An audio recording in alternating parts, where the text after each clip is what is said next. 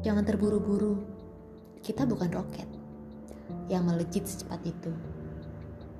Kita adalah manusia yang menggunakan kaki untuk berjalan, meniti langkah demi langkah untuk mencapai tujuan. Akan ada lelah, akan ada rasa seakan ingin menyerah. Tak ada sesuatu yang instan, bukan?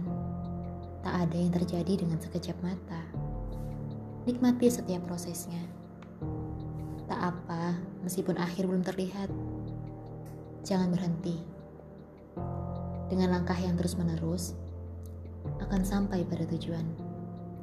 Nanti, pada masanya, semua jerih payahmu pasti akan ada hasilnya.